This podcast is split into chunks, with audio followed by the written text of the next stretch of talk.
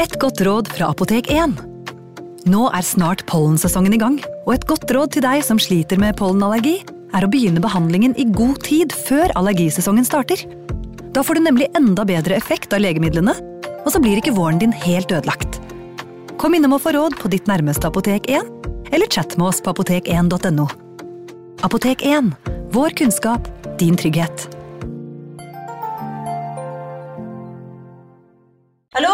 Jeg kommer fra Oslo politikammer.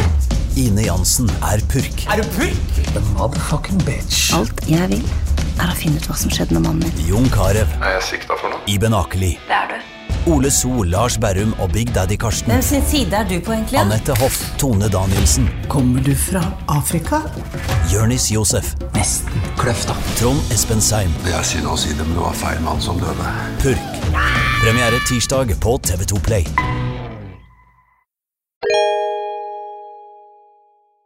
Hei! Takk for at du lytter til True Crime Podden dokumentar. Skulle du ønske at du kunne høre en ny episode av denne podkasten hver eneste uke? Vel, da er det bare å laste ned podkastappen Untold med en gang. I tillegg til ukentlige episoder av podkaster som Skrekkpodden, Synderne og True Crime Podden, får du masse annet reklamefritt og eksklusivt innhold. Last ned Untold i AppStore eller Google Play, og start din 30 dagers prøveperiode i dag. you.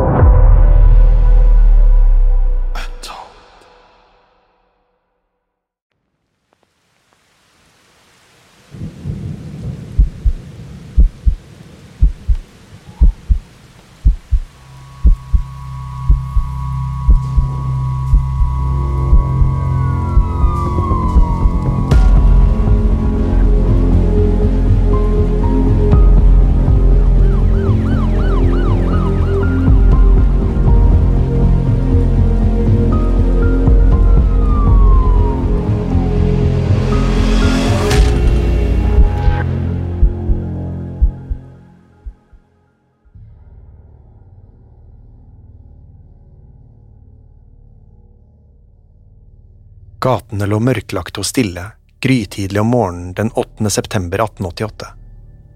Solen hadde ikke steget opp bak skyene, og hvert vindu langs Hanbury Street var mørkt. Det eneste som kunne høres, var lyden av lette fottrinn mot den våte brosteinen. Kilden til skrittene var John Richardson, der han gikk alene på vei til jobb. Han kikket ned på lommeuret sitt, som viste kvart på fem.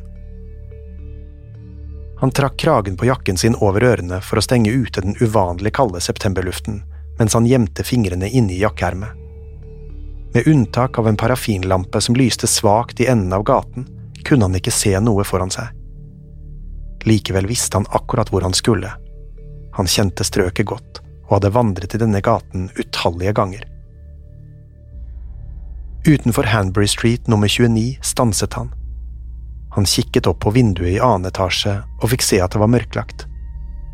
Foreldrene hans hadde altså ikke våknet ennå. Han hevet skuldrene og sukket før han tok i dørhåndtaket. Døren var åpen slik den pleide å være. Den gled opp og avslørte den trange, mørke oppgangen på innsiden. I stedet for å gå opp trappen til venstre fortsatte han gjennom oppgangen til en dør på den andre siden. Det var bekmørkt, men han klarte å kjenne seg fram til dørhåndtaket. Også denne døren gled opp uten problemer. På den andre siden lå det en liten bakgård, på ikke stort mer enn tre ganger seks meter. Den hadde høye tregjerder på begge sider som separerte den fra bakgårdene ved siden av. Richardson tok et skritt ut i bakgården og fortsatte ned den lille trappen. Herfra svingte han til venstre, ned en annen liten trapp til en kjellerdør. Døren hadde blitt forsøkt brutt inn flere ganger den siste tiden. Derfor hadde han avtalt med foreldrene sine at han skulle stikke innom for å se til kjelleren fra tid til annen. Han tok i dørhåndtaket og kjente at døren var låst. Richardson sa seg fornøyd med det, og satte seg ned på den lille trappen til bakdøren. Her dro han frem en kniv fra beltet, før han tok av seg skoen og skar av en liten bit av læret som hang løst. Deretter reiste han seg, gikk tilbake inn bakdøren og forlot eiendommen. Omtrent en time senere kom en annen mann, John Davies, ned trappene inne i oppgangen. Om han hadde hatt dårligere tid, ville han kanskje ikke merket det, men i det bedagelige tempoet han gikk i, oppdaget han at hoveddøren sto på vidt gap. Davis gikk bort til den og kikket ut, men kunne ikke se noen der ute. Da han snudde seg tilbake til oppgangen, fikk han se at bakdøren var lukket. Et øyeblikk lurte han på om noen kunne ha forsøkt å bryte seg inn i kjelleren igjen. Derfor gikk han fort mot bakdøren og dyttet den åpen. Der ble han kun stående og gape. Like nedenfor den lille trappen ut til bakgården lå det en kvinne. I det svake morgenlyset kunne han se at hun lå urørlig, i en dam av blod. Uten å undersøke om hun fremdeles var i live, snudde Davis på hælen og spurtet ut i gaten. Han huket tak i den første politibetjenten han kunne finne, og tok ham med tilbake. Igjen, i bakgården, lå det maltrakterte liket av 47 år gamle Annie Chapman, Jack the Rippers andre offer. Annie ble født Eliza Ann Smith den 25. september 1840 i Paddington sentralt i London. Hun var den eldste av foreldrenes fem barn og vokste opp i en god familie. Faren George var soldat og var stasjonert både i London og Windsor, noe som betydde at familien flyttet ofte. Senere fikk George jobb som tjener for flere rike familier, både i Knightsbridge, Berkshire og Cluer. Allerede som ung hadde Annie utviklet en smak for alkohol. Hun drakk jevnlig og mye, til tross for søsknenes forsøk på å hjelpe henne ut av det. De fikk henne til å skrive under på en kontrakt om å avstå fra alkoholen, og hun forsøkte en stund å ta seg sammen. Likevel fikk hun tilbakefall gang på gang. Det hjalp heller ikke da faren hennes begikk selvmord i juni 1863, da Annie var i starten av 20-årene. Mens hun hadde blitt igjen i London for å jobbe som husholderske, hadde familien flyttet til Clewer. Her hadde faren fått seg jobb som tjener for en kaptein i det britiske kavaleriet. Uten at noen kunne forstå hvorfor, hadde George skåret over sin egen hals en kveld. Han hadde ikke engang tatt seg tid til å gi familien en forklaring. Etter farens død falt Annie inn i en dyp depresjon og fortsatte å drikke tett. Hun hadde hatt et nært forhold til faren sin og hadde skyldfølelse for at hun ikke hadde vært med familien da det skjedde.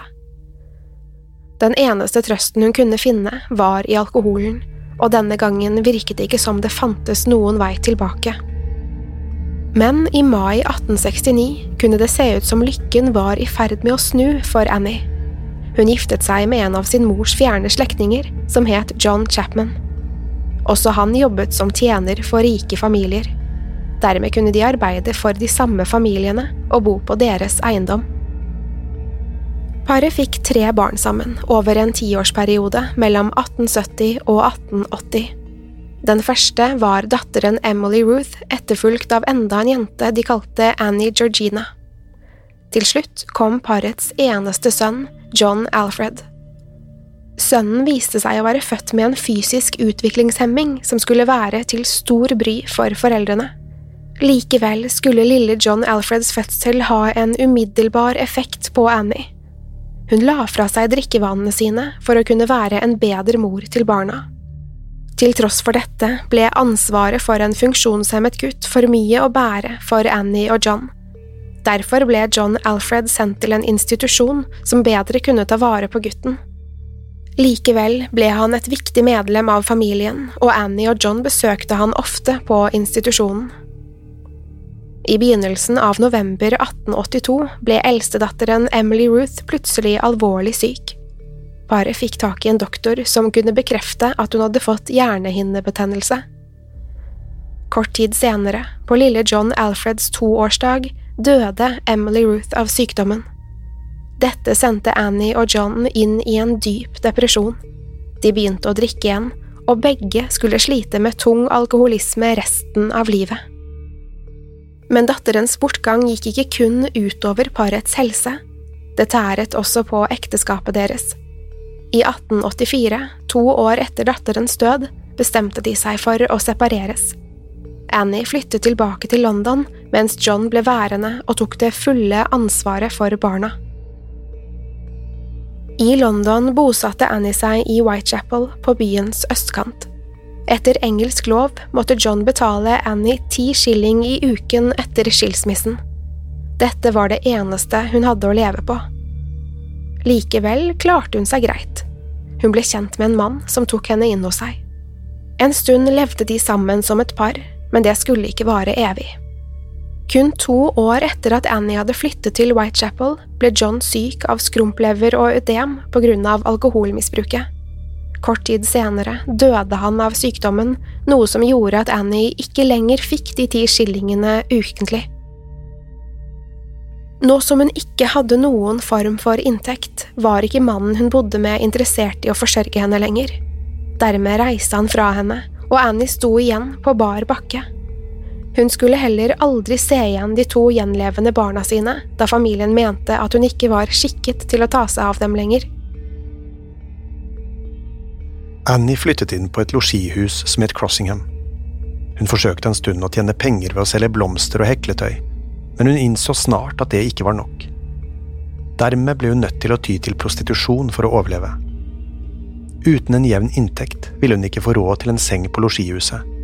Da ville hun bli nødt til å vandre gatelangs på kveldstid, noe som var så godt som selvmord i en bydel som Whitechapel, der mørket lurte på hvert gatehjørne. Den 31. august 1888, samme natt som Jack the Ripper begikk sitt aller første drap, hadde Annie havnet i en stor krangel med en av de andre beboerne på Crossingham losjihus. Kvinnen het Eliza Cooper og hadde anklaget Annie for å stjele et såpestykke fra henne.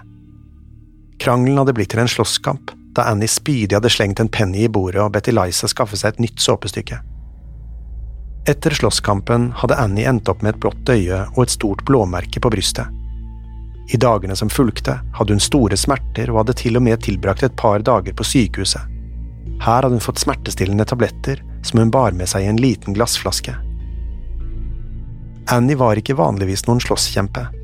De fleste som bodde på Crossingham losjihus så henne som en hyggelig, omtenksom og hjelpsom kvinne. Hun var sjelden stygg i munnen eller kom med spydigheter, og levde et så prektig liv som verden tillot henne å gjøre. Annie solgte kun sex når hun var absolutt nødt til det, og blomstersalget hennes ikke ga noen avkastning. Alle visste at Annie hadde sine demoner, på lik linje med alle andre i Whitechapel, men hun tok det sjelden ut på andre. Derfor var det mange som stusset over krangelen med Eliza Cooper. Det virket ukarakteristisk for en kvinne som Annie å skape uro på den måten. Men da slike krangler stadig brøt ut blant beboerne på losjihuset, ble det ikke lagt for mye i det. Fredag 7. september var en mørk og kald kveld, som resten av uken hadde vært. Store mengder regn hadde skylt over Londons gater helt siden august, og det så ikke ut til å gi seg. En kvinne som het Amelia Palmer, ble stående en stund i døren til Crossingham losjihus og stirre ut på regnet. Hun sukket tungt før hun skrittet ut i den folksomme gaten. Amelia myste litt for ikke å få regnvann i øynene, og trakk kysen nedover pannen. Så begynte hun å vandre nedover Dorset Street, Mørket og regnet gjorde det vanskelig å se noe som helst. Amelia var i ferd med å gå rett ut i veien foran en hest og vogn, men fikk reddet seg selv i siste liten. Kusken ropte skjellsord etter henne og ba henne passe på hvor hun gikk. Amelia lot seg ikke skremme av mannens tilrop, og fortsatte bare nedover gaten. Det var ikke første gang noen hadde truet henne på livet. Lenger nede i gaten kunne hun plutselig skimte en kjent silhuett, i lyset fra gatelyktene. Kvinnen sto lent mot veggen under et smalt tak i ly fra regnet. Da Emilia kom helt bort, fikk hun se at hun hadde rett. Der sto Annie Chapman, som hun kjente fra losjihuset. Annie så blek og uvel ut og sto og ynket seg litt inntil murveggen. Emilie la en hånd på skulderen hennes, og hun skvatt til. Da Annie fikk se at det kun var Emilia, virket hun til å slappe av. Emilie så bekymret på venninnen og lurte på om alt gikk bra. Annie så ikke på henne og lente hodet bakover mot den kalde murveggen. Så sa hun at hun ikke følte seg vel i det hele tatt, og at hun var for syk til å gjøre noe som helst. Hun hadde kommet direkte fra sykehuset etter enda en smertefull natt etter slåsskampen.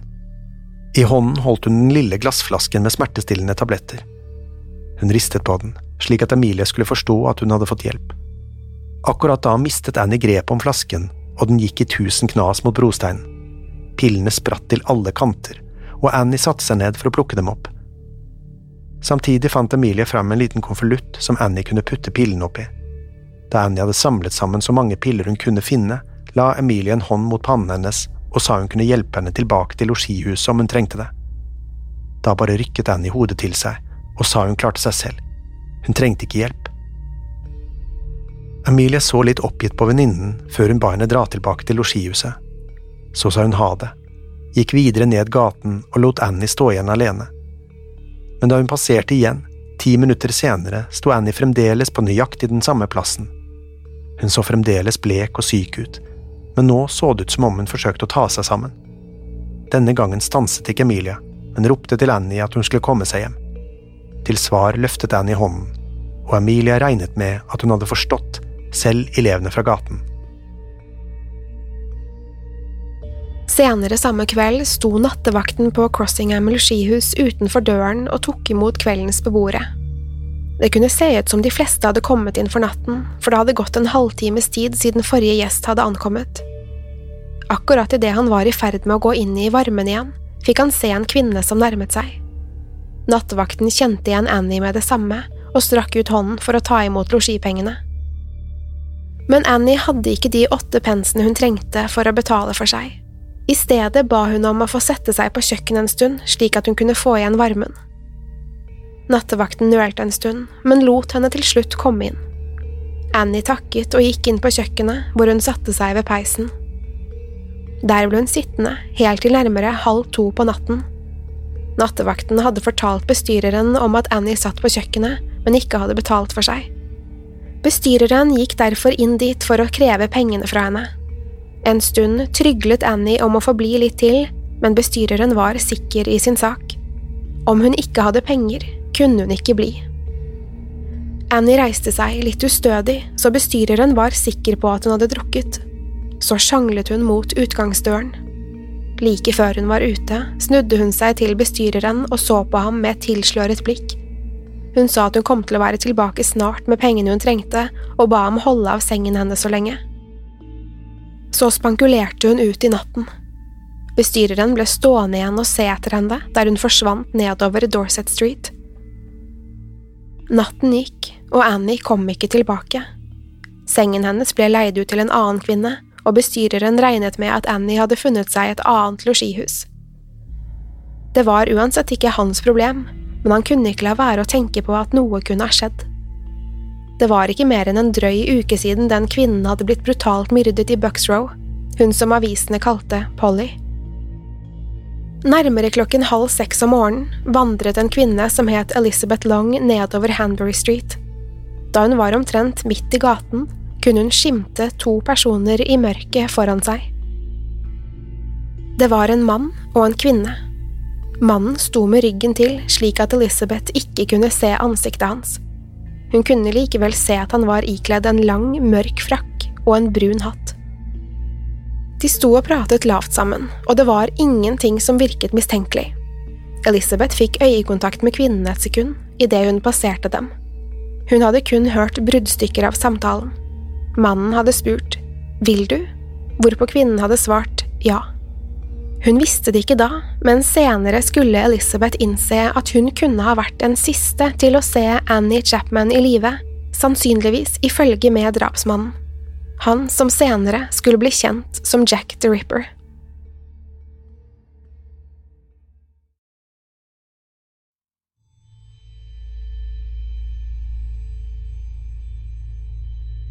Da John Davis Beboeren i Hanbury Street nummer 29 åpnet døren og fikk se den døde kvinnen i bakgården, tok han straks kontakt med politiet.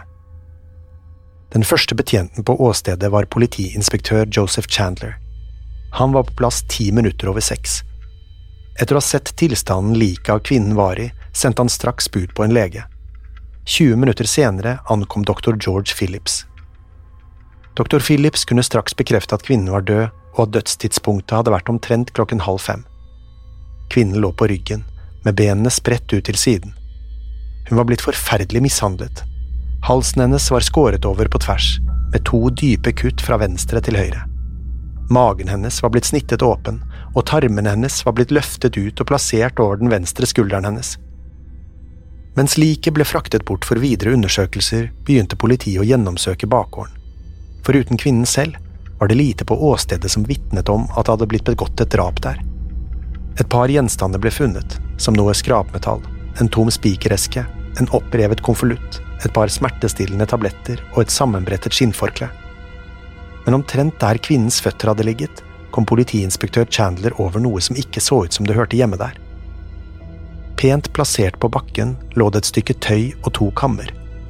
Gjenstandene så ikke ut som de bare var blitt slengt fra seg av en av beboerne. For politiinspektøren så det ut som de var organisert av noen, slik at de skulle bli funnet. Det var ikke utenkelig at gjenstandene hadde tilhørt den drepte kvinnen, og at de var plassert der av gjerningspersonen. På obduksjonssalen ble kvinnen lagt på et operasjonsbord for videre undersøkelser. Her oppdaget rettsmedisinerne flere merkelige ting. Det kunne se ut som kvinnen hadde hatt på seg to ringer av messing, men at de var blitt revet av hennes venstre hånd. Men det var ikke det eneste som manglet på liket. Det var også flere stykker av kvinnens innvoller som var blitt skåret ut, deriblant livmoren og deler av blæren hennes. I tillegg var større stykker skåret ut av skjeden hennes. Da dette ble oppdaget, ble drapet straks satt i sammenheng med drapet på Mary Ann Nichols en uke tidligere. Også denne gangen kunne det se ut som om gjerningspersonen hadde en viss forståelse for menneskelig anatomi. Senere ble det også sagt at morderen måtte ha en god erfaring med medisin og obduksjoner. Det kunne ikke være en hvilken som helst tilfeldig gjerningsmann. Det fantes nemlig ingen unødvendige snitt i kvinnens kropp. Hvert eneste kutt med kniven hadde vært nøye utført. Tilbake på åstedet begynte politiet å avhøre naboene. I leilighetskomplekset ved siden av, i Hanbury Street nummer 27, traff politiet en mann som het Albert Cadders. Han kunne fortelle at han hadde vært ute i sin egen bakgård som lå like ved siden av den til nummer 29, kun adskilt av tregjerdet omtrent klokken ti på halv seks. Da hadde han hørt merkelige lyder fra den andre siden av gjerdet. Det hadde vært to stemmer som snakket lavt sammen. Han hadde ikke hørt hva de hadde sagt, men plutselig hadde noe dunket hardt mot gjerdet. Observante lyttere vil kanskje legge merke til at det er noe som er merkelig her. Tidslinjen for de ulike vitneforklaringene stemte ikke overens med hverandre. Ifølge dr. Phillips hadde kvinnen vært død siden klokken halv fem. Det ville vært 15 minutter før John Richardson sjekket kjellerdøren i bakgården. Selv i den dunkle morgenbelysningen ville det vært umulig for han å ikke oppdage liket av kvinnen. Men det var ikke den eneste detaljen som ikke stemte med tidslinjen. Da Elizabeth Long, som hadde sett kvinnen og mannen utenfor Hanbury Street nummer 29, ble avhørt, kunne hun med sikkerhet bekrefte at den døde var kvinnen hun hadde sett. Hun var også sikker på at klokken hadde vært halv seks, fordi hun hadde hørt klangen fra et klokketårn like før hun så kvinnen. Altså hadde hun vært i live ti minutter etter at naboen Albert Cadders hadde hørt merkelige lyder fra bakgården. I ettertid innrømmet dr. Phillips at han kunne ha bommet på dødstidspunktet. Det var en usedvanlig kald morgen, og kvinnen hadde mistet store mengder blod. Siden Phillips hadde avgjort dødstidspunktet ut ifra kvinnens kroppstemperatur, kunne han ha tatt feil. Han var likevel sikker på at kvinnen senest hadde dødd klokken halv seks, altså samtidig som hun ble sett i live av Elizabeth Long. Om vitnene hadde bommet på klokken med noen minutter hver, var det fremdeles mulig å få tidslinjen til å gå opp. Det betydde likevel at gjerningspersonen måtte ha arbeidet ekstremt fort. Etter obduksjonen å dømme tydet alt på at morderen hadde tatt seg god tid. Et raskt drap ville ha gitt fra seg mye lyd, og det var ingen av beboerne i Hanbury Street nummer 29 som hadde sett eller hørt noe. Det var til tross for at flere hadde sovet med vinduene ut mot bakgården åpne. Etter å ha avhørt flere fra området, fant de til slutt fram til kvinnens bror, Fountain Smith, som kunne identifisere henne som Annie Chapman. Nok en prostituert kvinne var altså blitt brutalt myrdet i natten, uten at noen kunne identifisere morderen. Med enda et drap i bydelen begynte befolkningen å bli redde og sinte. Presset på politiet for å løse saken økte, men det var ikke stort de kunne gjøre. Gjerningspersonen etterlot seg ingen spor som kunne si noe om hvem det var. Det fantes heller ikke noe drapsvåpen som kunne knyttes til enkeltpersoner. Foruten Elizabeth Longs vitneutsagn var det ingen som med sikkerhet kunne si å ha sett morderen. Når sant skulle sies, var det ikke engang sikkert at mannen Elizabeth hadde sett, hadde noe som helst med drapet å gjøre. Det fantes heller ingen spesifikke teorier om hvem gjerningspersonen kunne være. Selv om rettsmedisinerne mente det var en sammenheng mellom drapene på Mary Ann Nichols og Annie Chapman, var ingenting sikkert. I tillegg var Whitechapel et ekstremt overbefolket område. Det var så godt som umulig å plukke ut enkeltpersoner blant de mange kriminelle som oppholdt seg i bydelen. En avis tok politiet i forsvar og skrev at hver mann i East End er kun et sandkorn, usynlig i mengden. Dette skulle bli klarere enn noensinne etter det som skjedde tre uker senere, den 30. september. Da skulle enda to kvinner dukke opp, brutalt myrdet, begge i løpet av samme natt. I tillegg begynte politiet og pressen å motta flere brev fra noen som påsto å stå bak de grusomme drapene. Avsenderen skulle navngi seg selv som verdenshistoriens mest kjente seriemorder, Jack the Ripper.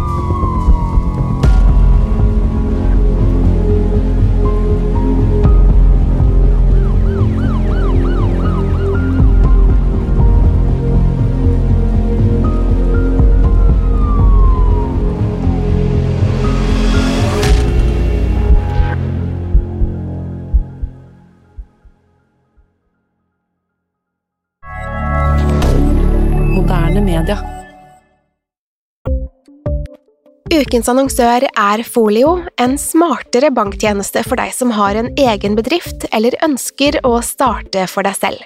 Folio er en superenkel nettbank for bedrifter. Som kunde i Folio får du en bedriftskonto med et bedriftskort og app.